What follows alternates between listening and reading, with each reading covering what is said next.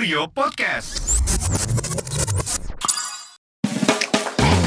Promo gajian Bixel AirAsia.com diperpanjang nih. Terbang dengan AirAsia ke Bali, Belitung, Medan, Palembang, dan Padang mulai dari Rp315.000 dan terbang dengan maskapai apa pun ke Malang, Balikpapan, Makassar, Samarinda, dan Manado mulai dari Rp412.000. Periode pemesanannya mulai dari tanggal 1 sampai 7 Februari 2021. Nggak hanya itu, di AirAsia.com juga ada diskon hingga 79% untuk hotel di Bali.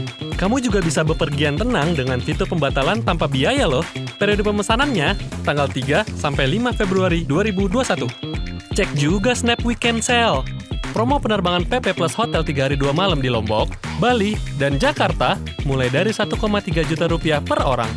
Periode pemesanannya tanggal 5 sampai 7 Februari 2021.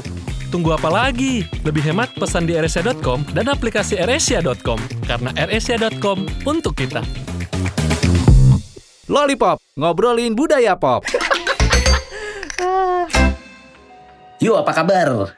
Balik lagi di podcast Lollipop, masih bareng gue, Agung Mustika. Sebelumnya gue minta maaf ya, dari minggu kemarin ini gue batuk pilek. Nggak tahu nih nggak sembuh-sembuh, tapi emang biasanya gue bapil itu, kalau kecapean gue pasti batuk pilek. Terus kayak seminggu lebih dikit lah sembuh gitu.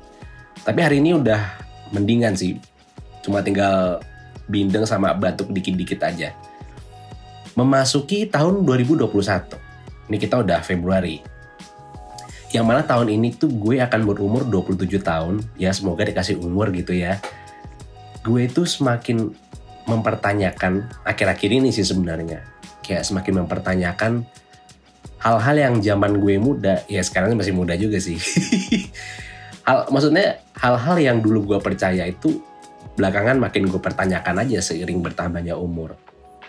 Kayak misalnya salah satunya kita bahas gitu ya di episode kali ini adalah time will heals atau waktu akan menyembuhkan. Gue dulu percaya banget dengan hal itu sih. Tapi setelah apa yang selama ini gue alami, asumsi bahwa waktu akan menyembuhkan terutama patah hati ya, itu benar dan salah sih. Karena gini,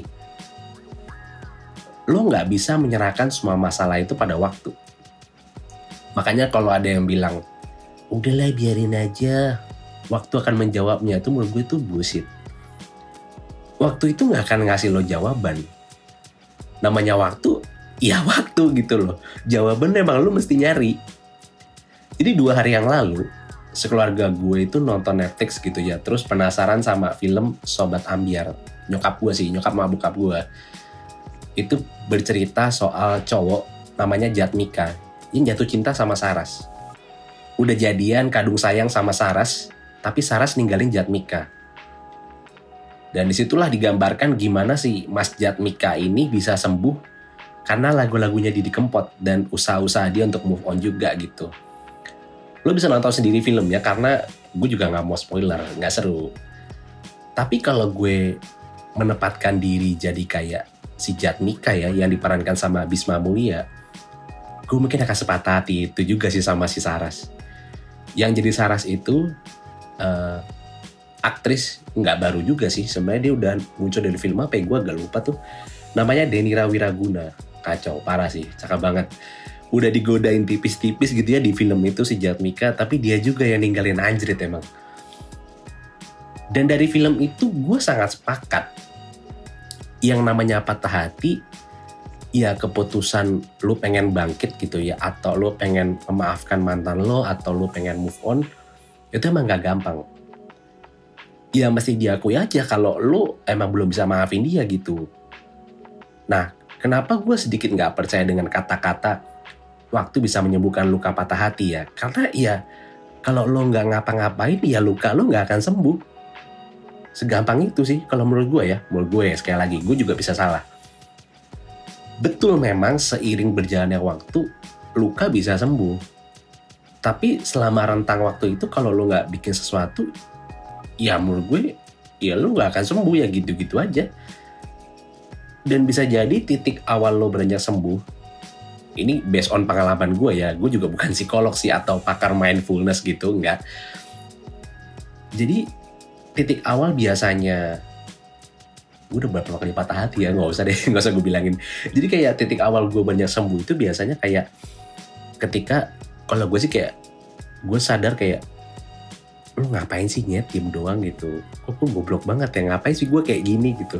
Nah yang kayak gitu-gitu bisa jadi awal luka yang sebelumnya basah itu kayak gue sih menyebutnya fase itu kayak luka tuh sedikit demi sedikit tuh mengering lah sembuh total sih belum tapi ya kayak lama-lama kering gitu. Nanti lama-lama ya nggak kerasa gitu. Lama-lama ya jadi menyatu aja sama kulit tuh yang namanya luka. Seperti yang gue tadi mention di awal emang setiap orang itu punya waktu yang berbeda-beda untuk sembuh dari luka. Karena emang ya memaafkan itu nggak bisa kayak balapan men. Bisa jadi nih lo sama temen lo sama-sama patah hati nih sama sawip lo. Dia sebulan udah bisa move on lo butuh satu semester.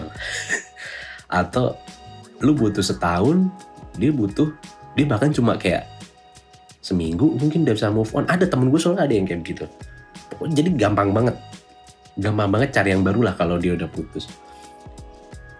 Dan pilihan masih ingin berteman dengan mantan atau bener-bener lost contact itu menurut gue juga nggak bisa dipaksain sih. Gue pun ada kok mantan yang masih temenan masih chatting. Ada juga yang lost contact banyak. Ya apa ya? Harus diakui bahwa tidak semua relationship gitu ya menyembuh ada yang punya yang bermasalah itu punya problems problem solving yang bener juga gitu. Ya ada yang udah kayak ya udah lost contact gitu aja gitu memilih untuk tidak berteman lagi ya wajar-wajar aja menurut gue tapi kalau gue yang biasanya lost contact itu ya dia gitu. Gue mah santai banget. Gue mau cerita gue dulu pernah diputusin juga karena alasannya katanya gue nggak dewasa gitu. Agak ngomong-ngomong gak dewasa ya gue pernah cerita gue gue pernah. Jadi di tongkrongan gue itu ya waktu itu tongkrongan cowok gitu cerita soal kayak uh, ngobrolin alasan-alasan putus gak masuk akal. Terus temen gue cerita pernah waktu SD waktu SD pacaran kelas 4 katanya. Terus diputusin sama ceweknya gara-gara dia nggak dewasa. Gue ya kelas 4 SD lu mengharapkan apa dari sisi kedewasaan? Kan goblok. Lucu banget sama temen gue ada. Waktu itu sama yang sebelum sekarang nih sama sebelum cewek gue yang sekarang itu gue tuh gue pernah diputusin lewat chat. Waktu itu sih waktu itu gue mikir kayak anjir cepu banget sih putusin lewat chat gitu. Tapi pas gue udah move on kayak ah ya ya udahlah gitu. Sesimpel waktu itu putus karena gue butuh dia dia nggak bisa. Dia butuh gue gue juga nggak bisa gitu. Dia kan kerja full time terus kuliah sabtu minggu gitu. Dia ambil kelas karyawan waktu itu. Gue kuliah full time freelance sabtu minggu lah. Nah, pakai waktu itu gue gue gue itu belum di high sih tapi ya lumayan sering ikut kayak io io gitu gitulah io terus sama ngeband juga sabtu minggu. Hmm, udah tuh. Gue sih sadar waktu itu ya kalau yang gue menyadari dia bilang gue nggak dewasa karena gue tuh pengen dia selalu ada buat gue tapi gue nggak selalu ada juga buat dia. Bisa jadi kalau gue pikir-pikir lagi ya kayak waktu itu gue toxic juga ya sama dia gitu. Kayak gue pengen ada dia gitu. Ya dia berusaha gitu tapi gue nggak pernah ada usaha juga untuk nemenin dia gitu. Ya parah juga sih gue ya. Akhirnya gue menyadar akhirnya gue waktu itu saat gue galau-galaunya kemudian memutuskan untuk sembuh kayak oh ya emang emang salah gue juga sih gitu nah pas seminggu gue galau-galau gitu gue itu seminggu lah lagi galau-galau banget tuh seminggu parah banget. Kayak mulai capek juga gitu kayak patah hati. Waktu itu yang bikin gue kayak mulai mau beraktivitas lagi mulai kayak nggak pengen banyak rebahan lagi. Tapi itu gue nggak nangis sih cuman ya ada dorongan ingin mendengarkan lagu-lagu sedih tapi waktu itu gue nggak nangis. Bukan karena gue sok kuat tapi emang nggak tahu kenapa gue kayak nggak bisa aja gitu nangis. Nah akhirnya gue kayak gue gaul lagi sama teman-teman gue nah support system itu penting sih. Kayak teman-teman lo keluarga. Pas itu gue inget banget kok seminggu setelah gue galau banget itu redaksi majalah kampus gue tuh mulai menginisiasi tiba-tiba ayo seminggu sekali futsalan yuk gitu. Cuma ya lah, setelah banyak kegiatan itu ya lama-lama kayak ya udahlah gitu. Seperti pesannya Didi Kempot di film itu bahwa keputusan kita buat move on itu ya bener-bener ada di tangan kita sih. Dan agak berat sih ngomong ini. Gue tau gue, ju- gue jujur gue juga sadar agak berat gue ngomong ini. Tapi ya memang kalau bukan karena mantan lo ya mungkin gue juga nggak bisa belajar sesuatu juga dari dia gitu. Dan ya kalau bukan karena dia gue mungkin ya nggak bisa sampai di titik ini. Gimana dia waktu itu bantuin gue ngerjain tugas kuliah. Ya nggak bantuin sih lebih tepatnya nemenin sih. Mantan gue dulu suka banget makan mujige gitu. Dia kan juga suka Korea Koreaan ya.